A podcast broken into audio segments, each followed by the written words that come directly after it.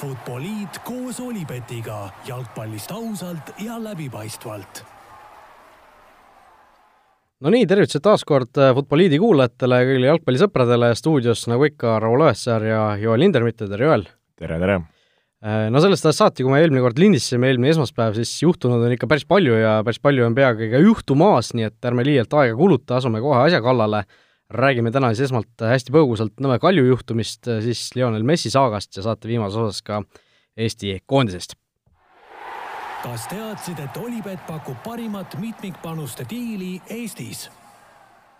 no nagu lubatud, alustame Nõmme Kalju case'ist äh, kiirelt äh, ülevaade, eelmine neljapäev oleks pidanud toimuma Nõmme Kalju ja NŠA Murra vaheline Euroopa liiga kohtumine, seda ei toimunud, sellepärast et mõlemas võistkonnas olid oli koroonapositiivne mängija, oli küll meeskonna juurest eraldatud, aga kuna Eesti riigis kõik need mängijad loeti siis selle positiivse mängijaga kontaktseks ole, kontaktsena olevaks, siis äh, Terviseamet ja valitsus äh, kokkuvõttes ei, ei lubanud sellel mängul toimuda, sel noh, mängul lubati küll toimuda tehniliselt, aga ühelgi mängijal, kes, kes seal oleks pidanud mängima, ei, ei lubatud mängida ja ja päris palju sellist äh, poleemikat on see kõik põhjustanud äh,, hiljem on veel välja tulnud eile siin, et Kaljus on kokku kaheksa koroonapositiivset mängijat, no väga keeruline olukord, noh, kõigepealt väga palju äh, sellist pahameelt tekitas ju see otsus üldse, et seda mängu ei lubatud, äh, ei lubatud pidada, et minu esimene reaktsioon oli ka toona, et miks ei võiks mängida, et siin on ju testid tehtud, aga siis noh, samal ajal see mõte oli kuskil kuklas, kellegagi arutasin ka, et äh, tegelikult noh, see aeg on nii lühike olnud, kui see esimene koroonapositiivne mängija peale tuli, et et noh, lihtsalt kui keegi on lisaks temale ka selle viiruse külge saanud, siis need testid ju täiesti seal alguses esimestel päevadel ei näita seda, on ju, et see kogu see asi oli lihtsalt tohutult keeruline see olukord ja läheb nagu iga päevaga veel keerulisemaks, niisugune tunne on. no üsna, üsna selline tõesti kummaline olukord kokkuvõttes jah, et äh, ka ise jäin just selle viimase lause peale mõttesse, kui, kui seda üks päev enda, enda peas ketrasin, et äh, et äh, just see, et, äh, et esimestel päevadel see test ei anna nagu õiget tulemust, et sa reaalselt peadki seal kaks-kolm päeva ootama ja, ja siis sa saad selle nagu info kätte. et äh, esmapilgul tundus, et kõik on ju puhtad, et miks me ei võiks mängida, oli sama mõte, aga hiljem, kui need asjad välja tuli, siis, siis mingit pidi nagu tundus see otsus nagu loogiline ja õige tagantjärgi. et, et selle koha pealt võib nagu, võib nagu seda otsust mõista, aga jah, nüüd ongi lihtsalt keeruline olukord see, mis, mis siin saama hakkab just kümnes september on vist see kuupäev, millal Budapestis peaks see mäng toimuma nüüd äh, Kaljul, noh, me ei tea, kes need kõik mängijad on, me võime siin aimata paari, paari nime, mis on pooleldi läbi käinud, äh, me ei hakka neid avalikult siin neid äh, rohkem levitama, kuna delikaatsed terviseandmed, mida kõike veel, aga aga noh, me ei tea, kui palju sealt on võtmemängijaid, kui palju on sealt äh, mingisuguseid varumängijaid, kui, kui suured nii-öelda kaod need oleksid, kõik need, et äh, loodetavasti rohkem positiivseid ei tule ja kuidagi suudetakse see mäng ära pidada, et et kui eh, noh, mingisugune väike selline teooria, et kui seal, ma ei tea, on kolm põhimeest näiteks, siis kuidagi mingisugune võitlusvõimeline meeskond äkki saadakse ikka kokku, aga ikkagi praegu on kogu võistkond isolatsioonis, tuletan meelde, nad ei saa ühistrenne teha, et igal juhul on eh, Kalju nagu väga kehvas seisus ja sealt midagi nagu väga head oleks raske loota sellest mängust, aga, aga noh, loodame ja hoiame pöidlad pihus ja ja noh, ma, ma ei, nagu ei kipuks ka kohe hullult meeskonda süüdistama praegu tänaste ja eilsete äh, uudiste põhjal justkui Jalgpalliliit äh,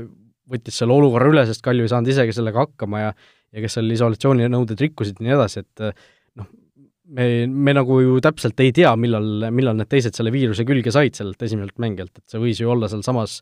Viljandi tulevikumängul, kus nad olid kõik ühes, ma ei tea, bussis, ühes riietusruumis koos, koos väljakul, et et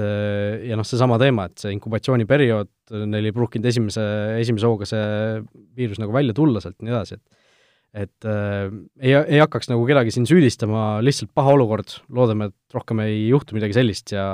ja saab, saab nagu liiga ja kõik, kõik asjad kenasti lõpuni mängida, et aga noh, Florast rääkides, Flora plaanid ka ju seetõttu muutusid, pidi ju äh, pidi FC Flora siin eelmisel nädalal äh, Viljandi asemel mängima, või tähendab, mängima Viljandiga, aga kuna Viljandi pandi ka karantiini, siis tehti asjad ümber, mängisite hoopis Leegioniga,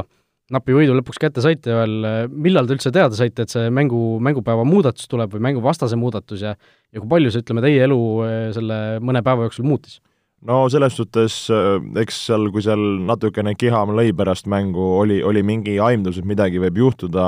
jälgisid päev-päevalt, mis toimub, et seal kuskil nädala keskel lõpuks see see info tuli, et äh, nii-öelda uuesti Leegioniga. No selles suhtes ei olnud see midagi väga drastilist, et on ka varem mängitud selliseid peegelvoore, kus sa mängid kaks korda sama vastasega, lihtsalt oligi see, et et kellele sa keskendud, kelle videoid sa ana-, analüüsima, vaatama hakkad, et äh, sai uuesti Leegionit äh, jälgida ja, ja kohe nagu ära mängida, et selles suhtes ma arvan, nagu hea lahendus, et see nii-öelda mäng äh, siis Leegionil kui ka meil ei jäänud pidamata ja nüüd lihtsalt tulebki leida see aeg, millal siis nii-öelda need muud mängud ära pidada. Vot nii, aga läheme selle teema juurest edasi, loodame, endiselt kordame üle, et loodame, et rohkem koroonapositiivseid ei tule ja ja Kalju saab oma mängud ikkagi lõpuks ära mängida kas teadsid, et Olipet toetab FCI Levadiat? no nagu ütlesin saate alguses, siis sellest ajast saati, kui eelmine kord lindistasime, on juhtunud päris palju ja juhtus kohe järgmisel päeval pärast meie eelmist saadet ja eh, juhtumisi oli see minu sünnipäev ja Lionel Messi otsustas minule sünnipäevakingituse teha, saatis Burrofaksi Barcelonale, et soovib lahkuda, ei saatnud siis faksi, nagu palju igal pool kirjutati, vaid äh, Burofax Hispaanias siis on midagi analoogset Eestis vist tähitud kirjale äkki, midagi sellist, et et äh, ei olnud päris äh, trükkinud mingisugust telefoninumbrit kuskile sisse. piiperiga? jah, kuidagi, kuidagi vanamoeliselt, et oli see natuke teistsugune, aga igatahes Messi teatas Barcelonale, et soovib ametlikult siis lahkuda klubist, viitas siis sellisele lepingupunktile, mis tal lepingus oli, et tal on selle hooaja järel Äh, võimalus siis otsustada, kas ta soovib äh, tasuta lahkuda või äh, Barcelonas jätkata, lepingud tal muidu alles on üks hooaeg, ja no mis me sellest kõigest arvame, Manchester City tundub praeguse seisuga on ikkagi väga selgel nii-öelda liidrikohal Messi jahtimise osas, aga mis nüüd üldse saada võib? praegu on selline patiseis, tundub. no korralik pantvangi draama on seal äh, pihta hakanud, no esiteks, kui me mõtleme selle olukorra peale, et eks ju Messil on selline klausel olnud äh, ta ei ole seda varem selles suhtes aktiveerinud, et ta on kogu aeg uskunud, lootnud, et klubi juhatus, treenerid, mängijad suudavad äh, oma tööd teha, mängida heal tasemel, teha õigeid otsuseid, õigeid signing uid, et äh, seda ei ole tehtud. ja, ja kui noh, Messi poolt vaadata, siis äh, ma arvan, see frustratsioon või selline pahameel on nagu järjest ja järjest rohkem süvenenud ja, ja ma arvan, et pärast seda kaheksa kahte see, see asi oli nagu tema jaoks väga mustades toonides et see, et see mees sealt ära tahab minna, see on nagu selle koha pealt lo-, loogiline, ehm, noh, tal on aastad, viimased aastad tiksuvad, kus ta saab midagi võita, saab midagi korda saata ja, ja sa, ja sa noh, näha on, ta tahab olla võitvas võistkonnas. ja, ja päris nagu jõuline,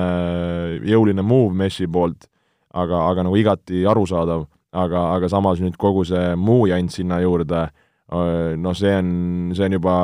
päris, päris korralik, noh, ütleks mitte isegi võib-olla jalgpalli üleminek, vaid tundub, et see asi on rohkem juba ka siin äh, juristide mängumaa kui, kui rohkem jalgpalli üleminek. jah, no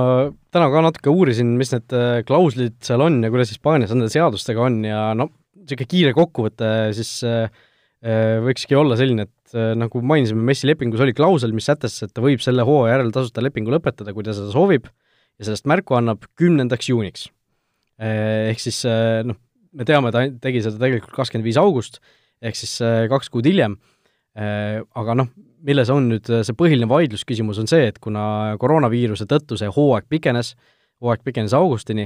siis kas pikenes ka see tähtaeg? Barcelona ja ka La Liga, kes kindlasti ei taha, et Messi kuskile ju läheks,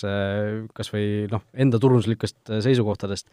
nemad on kindlal seisukohal, et see, see kuupäev äh, ei muutunud äh, tänu sellele või noh, selle koroonaviiruse tõttu, vaid see jäi kümnendaks juuniks ja Messi enam ei saa seda klauslit kasutada, mis te, mis tähendaks seda, et ükskõik, mis klubi ta tahaks, peaks siis maksma väljaostuklausli seitsesada miljonit eurot. Nii, aga Messi siis selline noh, pool ütleb ju vastupidi, et et kümnes juuni oli, oli tõesti siis äh, see tähtaeg, mis oleks normaalse hooaja puhul olnud, aga kuna praegune pikenes, siis ta tegi seda pärast hooaja lõppu, äh, pärast meistrite liiga finaali, kaks päeva, muidu oleks see tähtaeg olnud vist noh, niisugune kümmekond päeva pärast meistrite liiga finaali. Äh, millal kõik oli selge, hooaeg on lõppenud, ta ei, ta ei oleks seda praegusel hooajal saanud üldse teha, sellepärast et hooaeg oleks kestnud, nii edasi, nii edasi, ja ta noh, ei oleks teadnud, kuidas see hooaeg lõpeb, nii edasi, tema ilmselt otsus oleks sellest mõjutatud olnud ja noh, nüüd ongi küsimus selles, kas lepingut peaks tõlgendama siis sõna-sõnaliselt, ehk siis kümnes juuni on kümnes juuni, või siis sõnade taga oleva tähenduse kaudu, ehk siis mitte kümnes juuni, vaid, vaid siis hooaja lõpus või noh, Hispaania, ütleme siis juristid, eksperdid hindavad pigem, et selles vaidluses on pigem õigus Barcelonal, kes siis noh, ikkagi e e esimeses, esimeses järgus Hispaanias loetakse seda, mis on nii-öelda literaalse tõlgendusega või sõnasõnalise tõlgendusega, et kui lepingus on kümnes juuni, siis on kümnes juuni. Et äh, ja, ja seal on veel teine klausel, mida Barcelona saab ka veel välja tuua, on see, et kümnes juuni on teadupoolest, kui, kui tavalisel hooajal see hooaja lõpp arvestuslikult on kolmkümmend juuni, et siis see on kakskümmend päeva enne seda hooaja lõppu, sel hooajal arvestuslikult oli see kakskümmend kolm august, kui oli meistrite liiga finaal, ehk siis ta oleks pidanud tegema seda augusti alguses juba. et seal on väga, väga keeruline selline legaalne võitlus hakkab pihta, ei tahaks olla see inimene, kes peab otsuse tegema, et kummal see õigus on, kui see asi läheb kohtusse Äh, ühesõnaga väga, väga selline keeruline olukord, nagu sa ütlesid, pantvangi draama põhimõtteliselt, äh, me teame, Messi nüüd ei ole ilmunud Barcelona treeningule, ta ei, äh, ei ilmunud sinna koroona testimisele, mis teda, mis tal oleks muidu kohustuslik olnud, ta ei, ta ei loe ennast justkui enam Barcelona mängijana. Noh, alguses tundus, et see on justkui taktika, et see Bartomeu president välja suruda, aga noh, praegu tundub, et see asi on nagu liiga kaugele läinud selleks, et lihtsalt li-, lihtsalt see olla, et praegu tundub, et ta vajutas seda suurt punast nuppu ja mitu korda lausa. ma arvan küll, et sa ütlesid õigesti, et see punase nupu vajutamine on toimunud ja, ja siit enam seda tagasiteed ei ole. et äh, ei taha mina kuidagi uskuda, et äh, Lionel Messi sellel aastal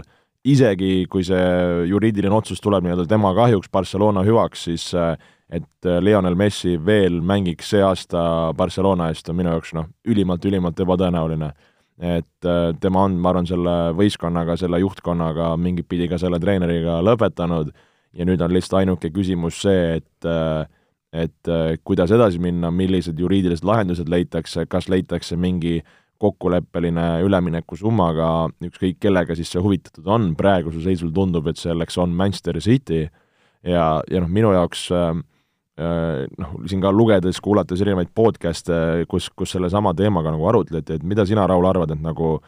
mõned nagu ütlevad, et Messi on mingit pidi nagu reetur, et ta ei ole nagu tänulik sellele klubile, mida, mis on kõik tema jaoks teinud, et ta nüüd nagu järsku läheb nagu sellise aplaavaga nagu minema, et äh, kuidas sina nagu näed, et kes on, ma ei tea, kas süüdi või, või, või, või kuidas Messi nagu käitus selles olukorras?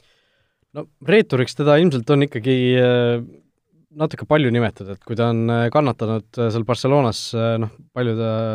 mitu aastat ta on, kaks tuhat kolm või kaks tuhat üks läks Barcelonasse, noh, ta on üheksateist aastat seal juba seda elu kannatanud, eks ju, Barcelonas sellises klubis mängimist ja ja kui ta nüüd noh, tahab lahkuda, ta on Barcelonale kõik andnud juba, ta on andnud tohutul hulgal väravaid, ta on andnud tohutul hulgal tiitlit, kuskil vist kolmkümmend viis tiitlit umbes, midagi sellist kirjas, eks ju. et see noh, see Barcelona fännina sa ei saa olla praegu pahane, et ta tahab ära minna, eriti arvestades seda, mis seisus see meeskond on. see meeskond niikuinii ei võida järgmisel hooajal mitte midagi äh,, isegi Messiga. et äh, noh, sa, sa ei saa kuidagi olla pettunud selles, et ta tahab ära minna, ma ei usu, ma, ma tõesti ei usu seda, et et seal oleks mingisugust põhjust olla pahane tema peale, kindlasti on neid inimesi, kes on pahased muidugi. aga pe-, pea, peamiselt peaks siis Barcelona fännid praegu olema pahased juhtkonna peale, mida nad ka on me oleme näinud neid proteste, mis Barcelonas toimuvad seal Camp Nou ümber. Äh, noh, mis nüüd saab, kui sa küsid, mis saab, siis ma ütlen, et ma arvan, kõige tõenäolisem on see, et Barcelona ja City mingil hetkel jõuavad kokkuleppele, see asi ei lähe kohtusse, kuna seda ei tahaks ilmselt kumbki pool väga. Muideks eriti ei tohiks seda tahta Messi, sest lugesin, et kui, kui tõesti peaks kohtus Barcelona võidu saama, siis ja Messina nii-öelda äh, leitakse siis olevat süüdi selles, et ta tasuta läheb kuskile mujale, siis ta võib olla seitsesada miljonit äh, eurot võlgu Barcelonale, ehk siis oma väljaostuklausli summa, võib saada FIFA-lt mängukeelu, äh, see klubi, kes ta palkab, võib saada mitmeks üleminekuaknaks sellise uute mängijate registreerimise keelu, kõike seda, on ju. Et kõige tõenäolisem, ma arvan, on see, on praegu see, et City, Barcelona leia-, leiavad mingisuguse kokkuleppe, noh, sada, sada viiskümmend miljonit, midagi sellist, vahetab äh, omanikku, Messi läheb ära ja, ja asi ants, et äh, Barcelona huvides ei ole ka ju kuidagi, et see asi läheks nagu väga pikaks või et ta jääks kuidagi sinna äh, noh, hingitsemas jaa, just, klubi vahel. seda ma mõtlesin ka, et, et nagu sa ütlesid, et Messi on kõik andnud oma, oma, endast siis Barcelonale, et see, et see asi saab nagu nii nagu kurva ja no verise lõpu võib-olla on nagu õige öelda, et seal nagu kõik asjad kis-, kisutakse lahti ja, ja see, et see tuleb nagu väga selliselt kangutatult, et selle üle on nagu kahju, et võiks ju nagu selle ilusa asja nagu panna ilusa punkti, lüüa, lüüa käpad ja, ja minna nagu oma teed, aga see nagu täielik, täielik teine äärmus, et niisugust asja nagu väga ei, ei mäletagi, et keegi nagu noh, polegi, ma arvan, ju niisugust nagu konkreetset ühe klubi ju noh, niisugust nägu olnud, kes, kes läheks sellise nagu poleemikaga minema. Et, et selle üle nagu ikkagist väga-väga kummaline. Ja noh, siin kui rääkida nagu veidikene veel sellest City koha pealt, no siis noh, praegu on ju nagu jutt on kõige reaalsem, et siin kaks-kolm hooaega City's ja siis äh, City nii-öelda tütarklubis MLS-is, äh, mis minu jaoks on nagu niisugune kõige loomulikum, loogilisem variant, noh räägiti oli siin, et kui kui Messi peaks minema Citysse, kas City annab mingid mehed seal vastu, räägiti väga nimekatest nimedest, et Bernardo Silva vist käis Bernardo Silva oli, Jesusist räägiti, aga no ma ei taha ka uskuda, et City nüüd avasüli nagu laseb kõik mehed minema. no. Bernardo Silva Messi vastu, ma arvan, et äh, City võtab rahulikult selle vahetuse vastu praeguses seisus no seda, Barcelona võtab ka vastu. no seda küll, seda küll, et noh, iseasi on, kes selle poogitakse mehi veel juurde ja, ja mis need rahalised ülemineku summa, summad jäävad, et et eks see ongi nüüd see, mis on siin vaja hakata lähipäevadel nuputama, aga aga ei usu, et siin kuskil Interisse mees minemas on muud, muud tiimid siin, mis siin ka läbi käisid, et no Ju-, Juventusest räägiti isegi, et tahavad Ronaldot ja Messit ühendada umbes, aga minu arust just paar nädalat tagasi oli uudis, kuidas Juventus tahab Ronaldost ka, noh, kuulab maad, et äkki keegi tahab teda endale võtta, et ei, ei palka. paista, et siin ongi Peep ja, ja Messi suure tõenäosusega kokku saavad, Cityl seda raha on, et seda üleminekut teha ja, ja, ja ma usun, et äh, kuu, kuu aja pärast on äh, Messi City, City särgis jah, viiendal oktoobril Premier League'i üleminekuaken tänavu lõpeb, äh, seda lükati ka siis edasi selle koroonaviiruse ja kõigega sellega seonduvalt. Aga noh, Barcelona tõesti, ma ei usu, et äh, nende huvides peaks olema see, et nad ei saa seda seitsesadat miljonit niikuinii kelleltki. et see on täiesti noh, küsimuse alt väljas, on ju, et see mitte ühelgi klubil maailmas ei ole, ei ole sellist musklit, et nii palju maksta seda raha Äh, ja kõikide reeglitega ka veel tagatippu nagu kooskõlas olla, et et ilmselt seal leitakse mingisugune kokkulepe, kui see tasu, noh, see tasuta tundub ka selline, et see pigem vist ei lähe läbi. et ilmselt seal leitakse selline sõbralik summa, mis, mis tõesti kõik pooled rahuldaks ära, Barcelona, noh, me teame, ta maksab sisuliselt miljon eurot nädalas Messile palka. et kui nad selle ka uueks hooajaks äh, nii-öelda oma sealt äh, palgalehelt maha saavad selle summa, siis äh, muudab nende keerulist rahalist olukorda ka paremaks ja, ja noh, lisaks kõigele noorendab seda võistkonda ka, et äh, noh, praegu tundub, tagasiteed ei ole ilmselt enam. ja isegi siis, kui Bartomeu peaks, ma ei tea, homme peab tagasi astuma, äkki. ei paista. Et äh, tõesti, Messi Citysse ilmselt läheb, Premier League'i sõpradena noh, ootaks juba neid uue hooaja mingisuguseid kommenteerimisi Kalev Kruusile paneme, paneme südamele, võib, võib siin rahulikult saata Äh, City mänge ka, äh, oleks päris äge. no poleks, poleks paha ja, ja ma arvan, saaks äh, Premier League, mis siin aasta-aastalt ainult haipi juurde saab, siis noh, saab, saab noh, sadades kordades seda juurde, et et selles suhtes tundub, tundub väga põnev. vot nii, igatahes teeme väikese vahekõlli ja siis räägime natukene ka sellest üleminekuaknast üldiselt. Olipetis on parimad suurliigade vastasseisude kohvid no jällegi, kuna me eelmise saate nilistasime eelmise nädala alguses, siis vahepeal on äh, igasugust vett äh, voolanud merre ka üleminekuaknad äh,, akent arvestades noh, Premier League'i klubisid arvestades, siis Chelsea on kindlasti kõige, kõige sellisema vägevama äh, akna teinud seni, Timo Wernerist, Hakim Ziyechist oleme juba rääkinud siin eelmisel nädalal, Ben Chilwell ja Diego Silva ka. Äh,, kaitset äh, tulid täiendama, et Chelsea ilmselt on praegu selline võistkond, kes on äh, kes on nagu kõige sellisemaid uhkemaid täiendusi teinud, kui nüüd see Messi Citysse välja arvata praegu? no päris, päris vinged ja päris tummised, äh, noh, siin nendest teistest me ju teadsime, minu jaoks oli Ben Chilwelli üleminek äh, üllatus, äh, selle koha pealt teda väga-väga pikalt seostati Unitediga, seal on Alonso ja Emerson tegelikult ju ees olemas. Unitedi poolt vaadatuna noh, Luke Shaw ei ole olnud päris see, kas tõesti usaldatakse oma noorukest Brandon Williamsit, et noh, kumbki ei ole nagu tippkaitse ja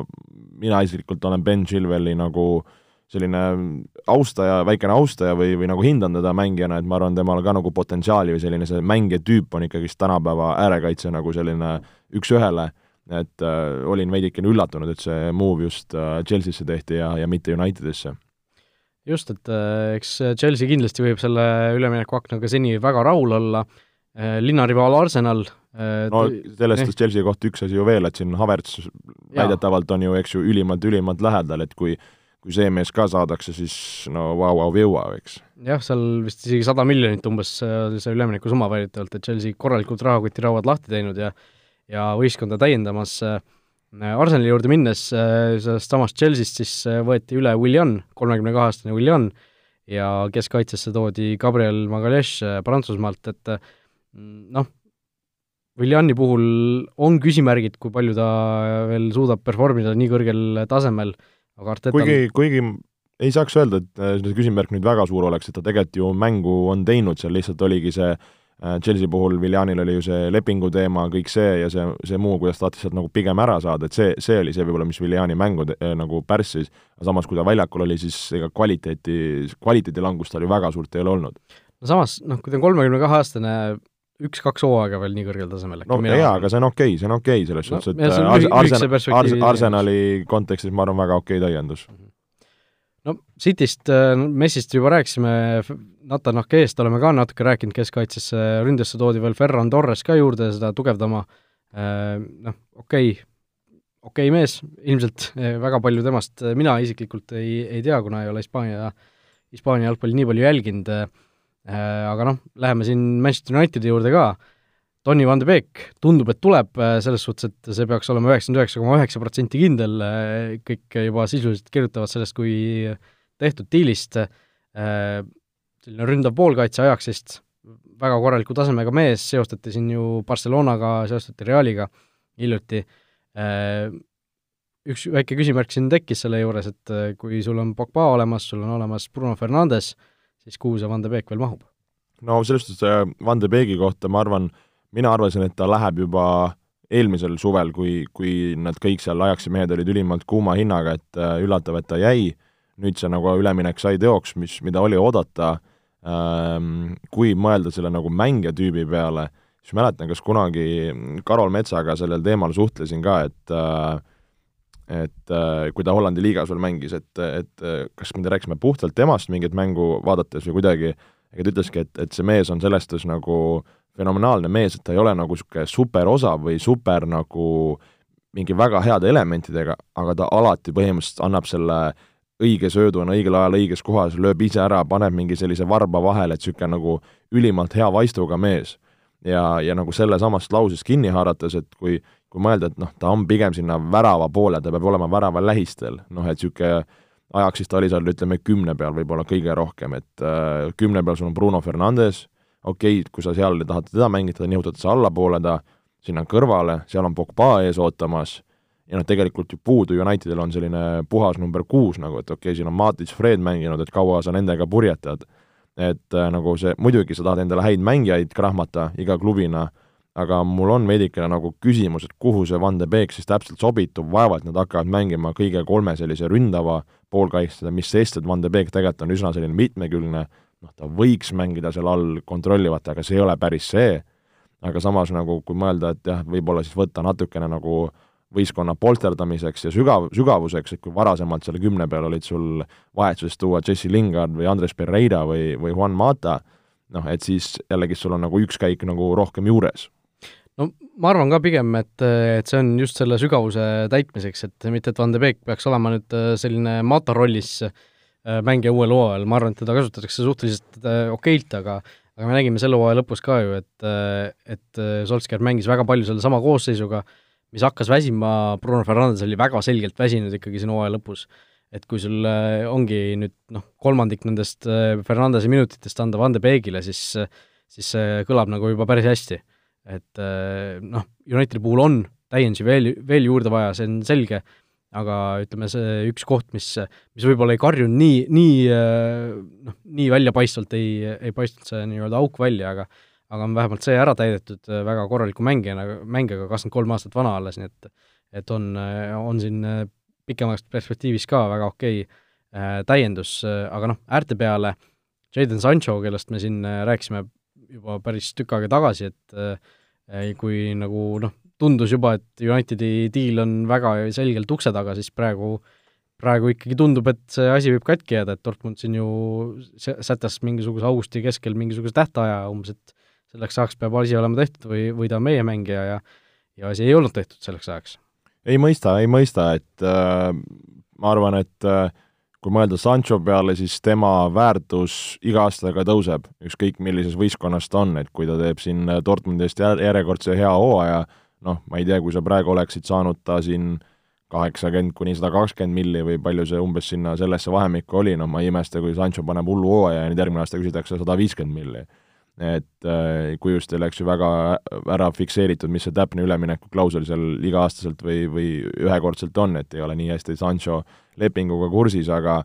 aga noh, me oleme sellest rääkinud, et United vajaks sinna ühte venda ja ja noh, Sancho oleks nagu ideaalne vend selle jaoks, et ähm, no ma, kui nad ka nüüd ära ei too, siis no mil-, noh, kummaline minu jaoks, millal sa siis, siis veel või mida, mida sa ootad, tekib küsimus? noh, akna viimast päeva võib-olla oodatakse, et siis, siis nagu asjad äh, tavaliselt hakkavad lõpuks liikuma, mis, mis muidu, mis muidu tunduvad, et on nagu seisma jäänud, et et no väga tõesti loodaks, et Sancho tuleb Manchester Unitedi fännina, see oleks tõesti, nagu sa ütlesid, noh, ideaalne niisugune pusletükk täpselt sobiks, sobituks sinna ja ja, ja noh, sinna on sügavust praegu juurde vaja, mitte et Sancho jällegi oleks pingimees, ta oleks kindlasti põhikoosseisu mees, aga aga praegu, praegu on see ikkagi väga õhuke, see, see koosseis seal eespool mängumeeste mõttes. Äh, noh, mõnest klubist veel võib-olla rääkida, Evertoni tuleb James Rodriguez, tundub, see on väga huvitav liigutus. no Ancelotti usaldusisik, et äh, on ju Bayernis tema käe all mänginud Realis ja nüüd ka Evertonis, et äh, et jällegist, et Everton suudab sellise kaliibriga mehi tuua, see on nagu äge ja ja ja ma arvan, nagu väga-väga kõva täiendus, noh, Hamese viimased aastad äh, on olnud tegelikult ikkagist kehvad, et kui ta seal kunagi MM-il Kolumbia ees paugutas ja suurelt äh, kaks tuhat neliteist. et kui ammu tegelikult aega tagasi, et okei okay,, ta Reali ees seal natukene ikkagist tegi mängu ja niimoodi, aga need laenud Bayernis ja, ja niimoodi, et need ei ole nagu välja kukkunud, et et äkki ta saab nüüd uuesti Evertonis sellise võtmerolli, usaldusisiku rolli ja, ja saab nagu jalad alla, et ju mängumees on tegelikult kõva ja vasakjalg on seal ikka vinge nagu. et, et selles suhtes ma arvan, päris, päris, päris äge move. Tottenham, Joe Hart, suur tasuta täiendus, Pierre-Emil Höiberi toodi ära Southamptonist ja Matt Doherty Wolvesist, noh, sellised mitte, mitte kõige nimekamad mehed, aga sellised vajalikud koosseisu mängijad, noh, Joe Hart ilmselt, ma ei tea, kolmandaks väravahiks äkki, aga aga noh, okei. Okay.. okei okay,, no selliseid signing ud on ka vaja. aga noh, midagi väga suurt ilmselt Spursilt siin uuel hooajal oodata ei maksa. Äh,, läheme vast edasi no üks, üks mees on seal meil Diago, eks ju, kes, kes ja. on ripakil ja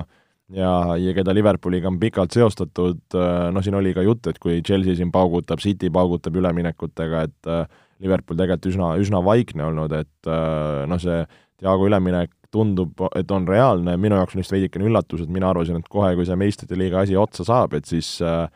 tehakse suht kiirelt klõps-klõps ära ja mees on Liverpooli ridades, noh, mingi jutt oli siin, et ka nagu United hüppab sellesse juttu siia sisse, aga nagu ei paista, et et see kuidagi seda Diago ja Liverpooli juttu on juba siin viimased pool aastat äh, ühele ja teisele poole rullitud, et tunduks nagu, et see võiks, võiks läbi minna. Jah, et äh, just praegu telefonist loen, mis siin värsked täiendused on Diago kohta, et äh, Manchester Unitedist pole ise huvitatud tema, noh, mis on ka loogiline, kuna see, just rääkisime, see keskväli on suhteliselt hästi juba mehitatud seal, kuigi kas Diago sobiks Unitedisse sinna number kuue peale, pigem nagu no ta on jah, niisugune Liverpooli fit, et äh, nagu me ükskord rääkisime ka, et selline see tema mitmekülgsus sinna Liverpooli keskväljale on nagu täpselt see, mis, mis, mis mängu nad mängivad. aga samas, kui mõelda Liverpooli peale veel, siis äh, ülemise kolmiku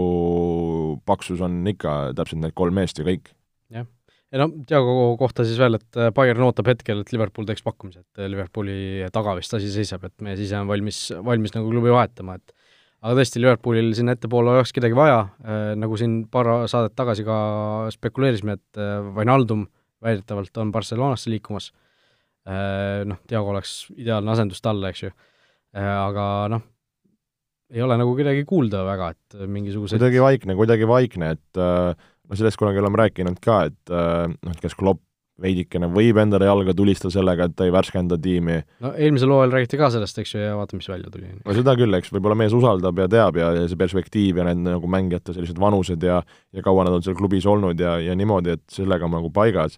Aga noh, vastupidiselt ju Fergusoni fenomen oligi see, et nad iga aasta enam-vähem võitsid tiitli ja iga aasta Ferguson seal põhimehed saatis minema, tõi kaks-kolm uut venda asemele, et see veri oli kogu aeg värske, kogu aeg oli selline konkurents, kõik see sinna juurde, et äh, noh, kui siin peakski City saama Messi, Arsenal, vabandust, Chelsea paneb selliseid üleminekuid, no ei tahaks öelda, et Liverpooli puhul küsimärgid on, aga, aga natukene võib-olla võtab kukalt klatsima küll. Nojah, eks me näe, võib-olla siin tuuakse mingisugune jänes kuskilt välja, võetakse Sancho endale või midagi sellist, et Never know, never know. et tõesti huvitav, huvitav näha, aga läheme edasi vaikselt siis Eesti koondise juttude juurde, Rahvuste Liiga uus hooaeg on algamas kas teadsid, et Olipet on Eesti spordiennustajate esimene valik? Eesti koondis esmaspäeval kogunes uuesti, nägin mina ka täiesti juhuslikult äh, ajaloolist hetke, kus Karl Jakobein äh, jalutas, äh, ma ei tea, kas oli tema isa, kes ta ära viskas, aga Jaale Kokk Arena parklast jalutas sinna staadionile oma esimesse, esimese A-koondise kogunemise juurde. Ja päris huvitavaid mehi on seal veel koos, väravahtide koosseis ju eriti, eriti omapärane, kuna tõesti kes siin viimasel ajal on figureerinud, Leppmets, Aksalu, Meerits, Äh, kõik on väljas, Igonen ka, eks ju, äh, ja, ja nüüd äh, on siis olukord selline, et väravvahtide sektsioonist alustades Karl Jakobein ilmselt esinumber, Artur Kotenko, kolmekümne üheksa aastane mees, teine number, ja siis Karl-Johan Pehter, kolmas number, Pehteri puhul muideks oli veel see, et kui, kui oli veel Igonen Kotenko asemel nimekirjas, siis Pehter oli Eesti koondise kõige vanem väravvaht päris huvitav, päris huvitav. et aga noh, Gruusia vastu kodus laupäeval ja siis äh, mõned päevad hiljem võõrsil Armeenia vastu need mängud toimuvad. Kihlveo kontorites vaadates erinevates oleme täielikud outsiderid selles grupis, ei ennustata ka alagrupi võitu üldse mitte kuskil meile. Äh, noh, tuletan meelde, kolmas või neljas võistkond selles grupis on Põhja-Makedoonia, ehk siis kõik on sellised vastased, kellega noh, kes nagu see termin on, on mängitavad sel-, selgelt ikkagi. aga no ei usuta millegipärast Eesti, Eesti koondisesse, kas, kas meil peaks olema põhjust rohkemaks optimismiks? no esmapilgul ju võiks, esmapilgul ju võiks, et äh, kui me istume käed rüpes ja ütlemegi, et me lähme seal neljandat kohta püüdma või et me ei lähegi selle esimese koha peale mängima, et siis pole mõtet seda rahvuste liigat mängima minna, et äh, nagu sa ütlesid, kõik on mängitavad, siin on, ma arvan, just selline see asi on pigem selline emotsionaalne või, või niisugune vaimne, et, äh, et mängida, ma arvan, me suudame kõikidega, mängida me suudame äh, nagu mängulises mõttes ja ka tulemuse mõttes, nüüd ongi lihtsalt see, et äh, eriti oluline on, ma arvan, selle mm, nii-öelda turniiri algus, need esimesed kaks mängu, võib-olla ka kolmas mäng, et äh, võtad kodus siin äh, võidu, hea emotsioon, lähed võõrsile äh,, seal näiteks võtad viigi või isegi võidu, et siis see nagu loob sellise sillutise ja ja, ja, ja sellise enesekindluse, mis, mis jalgpallis on see, see enesekindluse pool on nagu üliülioluline. et ma arvan, siis on, nagu me võime rääkida nagu väga nagu niisugusest rõõmsast, rõõmsates toonides, aga noh, alati võib olla ka vastupidi, et seal saad kodus sahmaka, võõrsil ei tule, sul on juba kahest mängust kaks kaotust ja siis sa hakkad nagu vastupidiselt seda rongi nagu taga ajama. et, et need võivad minna nii nagu seinast seina, et et selles suhtes nagu tegelikult koondis ju viimastes, ütleme, mängudes nagu mänguliselt, kui jätta nagu tulemust kõrvale, on nagu näidanud okeid edasiminekut ja, ja, ja selliseid positiivseid märke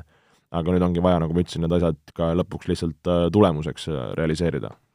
no Ott Järvela vist ütles Sokkerneti podcastis, et ta ootab võitu, sest äh, ei ole nagu põhjust vastupidist oodata, noh, minul nagu see olukord on millegipärast, kuna olen pidanud endast selliseks noh, pigem nagu realistiks, mitte optimistiks, mitte pessimistiks, aga selliseks realistiks, siis mul oleks nagu natuke vastupidine tunne, et pole millegi pealt nagu just midagi väga head oodata, et et kui me vaatame siin äh, Eesti koondis Karel Voolaidi käe all pidanud kuus kohtumist, äh, noh okei okay,, seal on kaks korda siis Holland, üks kord Saksamaa, üks kord Ukraina, äh, ehk siis neli mängu juba väga kõvade vastastega sellest kuuest, aga noh, me oleme selle kuue mängu jooksul löönud ühe värava, väravate vahe on üks viisteist. Ja noh, me ju eelmise aasta lõpus ka seal ühe selle viigipunkti saime kätte seal Valgevenes, eks ju, aga noh, muud, muud midagi, kodus saime ka Valgevenelt tappa. Ja samal ajal Gruusia eelmise aasta sügisel näiteks, kui seda esimest mängu vaadata, Gruusia eelmise aasta sügise tulemused siis järjest viik Lõuna-Koreaga, viik Taaniga, viik Iirimaaga, võit Gibraltari üle, okei okay,, see oli kolm-kaks võit, kaheksakümne neljandal löödi võiduvärava alles, aga siiski võit, siis kaks võ-, kaks võõrsil saadud kaotust, null-üks Šveitsile ja üks-kaks Horvaatiale, Horvaatia vastu mindi võõrsil juhtima. et noh, Gruusia ei ole mahlamütsid. ei ole mahlamütsid ja tegelikult kui vaadata Gruusia koosseisu, kellega nad Eestisse tulevad, et noh, võiks arvata, et seal on, enamus on Tbilisi Dinamo mehed ja, ja, ja kohalikud, kohalikud mehed, aga tegelikult ütleks kogu koosseis praktiliselt äh, välismaalt, Türgi liigas, Venemaa liigas, Poola, Küpros äh,, Ungari äh,, Šveits äh,, et äh, väga-väga nagu kõvadest satsidest mehed tulevad kokku, et äh, et see näitab, et tegelikult seal nagu selliseid äh, noh, klassiga mängumehi on ja, ja, ja noh, Gruusia ja Armeeniad on alati niisugused võistkonnad, kes äh, kelle see tehnika on paigas, niisugune individuaalne meisterlikkus on väga osav, võib-olla võistkondlikult äh, alati nad ei pruugi nagu struktuuri mõttes nii tugevad olla, aga just see individuaalne osavus, niisugune hea enesekindlus on neil sellistel punktidel alati olemas.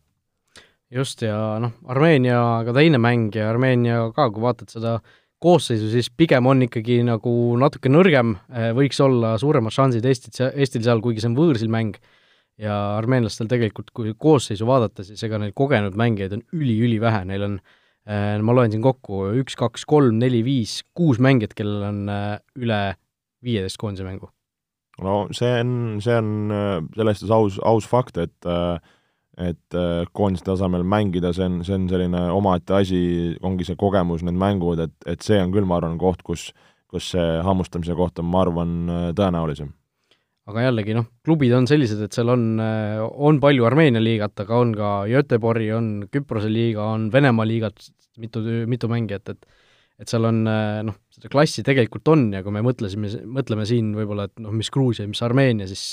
siis noh, tegelikult äh, armeenlased, gruuslased mõtlevad samamoodi, et äh, mis Eesti, on ju, et vaatad Eesti koosseisu, ma ei tea äh,, mitmel mängijal seal mingid Eesti klubid taga, on ju, nime taga ja ja ega sealt välismaalt ka ju meil mingi väga suuri staare praegu ei ole, Klaavanit ju ei ole näiteks, on ju, ja, ja nii edasi, et ega seal noh, mingisugust väga suurt optimismi ma ei leia, et peaks olema, aga samas noh, võidu peale me ikkagi peame selles, nendes mängudes mängima, sellepärast et need on täpselt meie masti vastased justkui paberi peal võiksid olla, aga noh,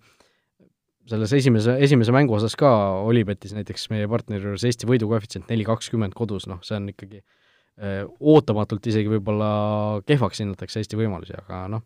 mine tea. no eks see kodumäng äh, kahjuks küll ilma publikuta, et äh, võib-olla ka osalt seetõttu, aga tõesti tavaliselt ikkagi koduvõistkond ju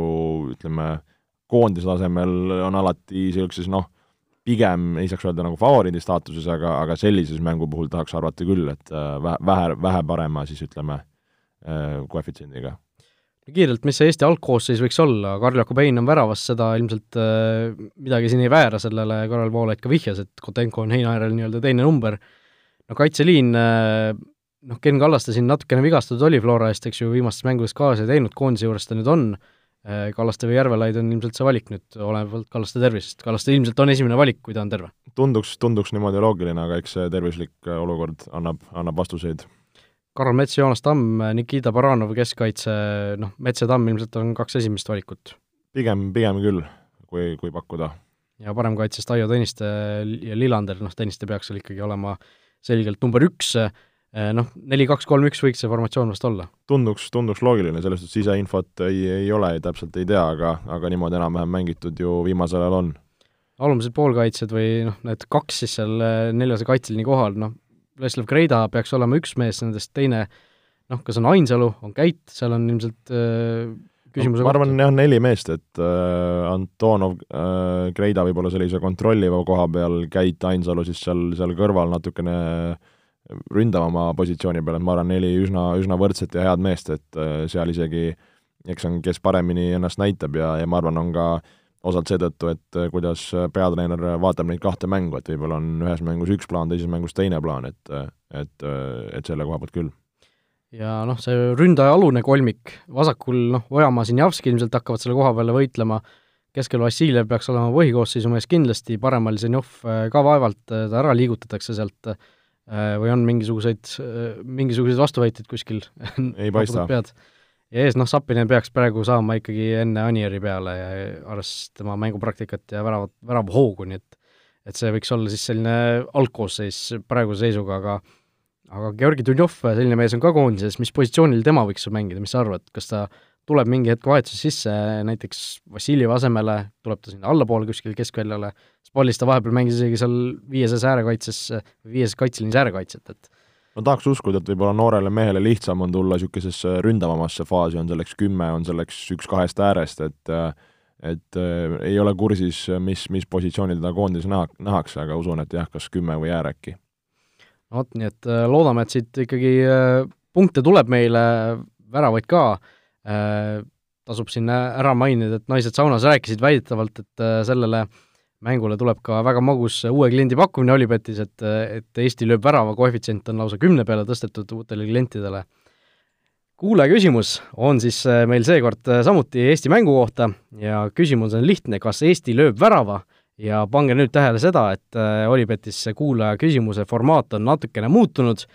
samamoodi Facebookis tuleb küll vastata, öelda siis kas seda, kas Eesti lööb värava või ei löö väravat. Ja kõik, kes õigesti vastavad, saavad ka kümme eurot, aga väike konks on juures, konks on siis selline, et et selles mängus saavad osaleda siis ainult need, kes on enne mängu teinud sellele samale mängule, ehk siis Eesti-Gruusia mängule, ükskõik mis äh, turul, ehk siis sa võid panustada sellele, kes võidab või, või mitu väravat kokku lüüakse, igatahes sa pead olema vähemalt viie-eurose panuse teinud sellele samale mängule enne mängu, et siis äh, olla nii-öelda loosipotis äh,? Mitte jah, loosipott on nagu selles suhtes vale termin, et kõik, kes õigesti vastavad, saavad, aga Just. et olla, et olla nii-öelda mängus, pead sa tegema viie-eurose mängu sellele, viie-eurose panusele sellele samale mängule, nii et väikese muudatusega Olibeti kuulaja küsimus seekord selline. kas Eesti lööb värava? lööb lööb. no ütleme, et lööb, ma arvan, et siin jah, ikkagi mõlemad võistkonnad teevad skoori, loodetavasti Eesti teeb rohkem. Äh, no kaks-üks Eesti või? kolm-kaks. no okei okay,, sa ütled kolm-kaks, ma mõtlen siis pessimistlikult, ma ütlen, et Eesti kaotab üks-kaks. Ei äh,, olen, mina olen positiivne ja, ja, ja, ja rõõmsameelne. hetkel, hetkel nii et äh, ühesõnaga, tehke kõik oma pakkumised ka Olibeti Facebooki lehel, saate meie postituse üles otsida ja sinna alla siis vastata, pakkuda, kas Eesti lööb ära või mitte ja ja tuletame siis meelde, et vähemalt viie-eurone panus sellele samale mängule tuleb ka teha, et selles mängus täieõiguslikult osaleda, nii et äh, meie jääme siit koondise mängude ootele ja oleme uuel nädalal tagasi, et siis juba loodetavasti kahte edukat koondise mängu natukene analüüsida. kõike head, olge mõnusad! vutiviikendi parimad kohvid leiad Olipetist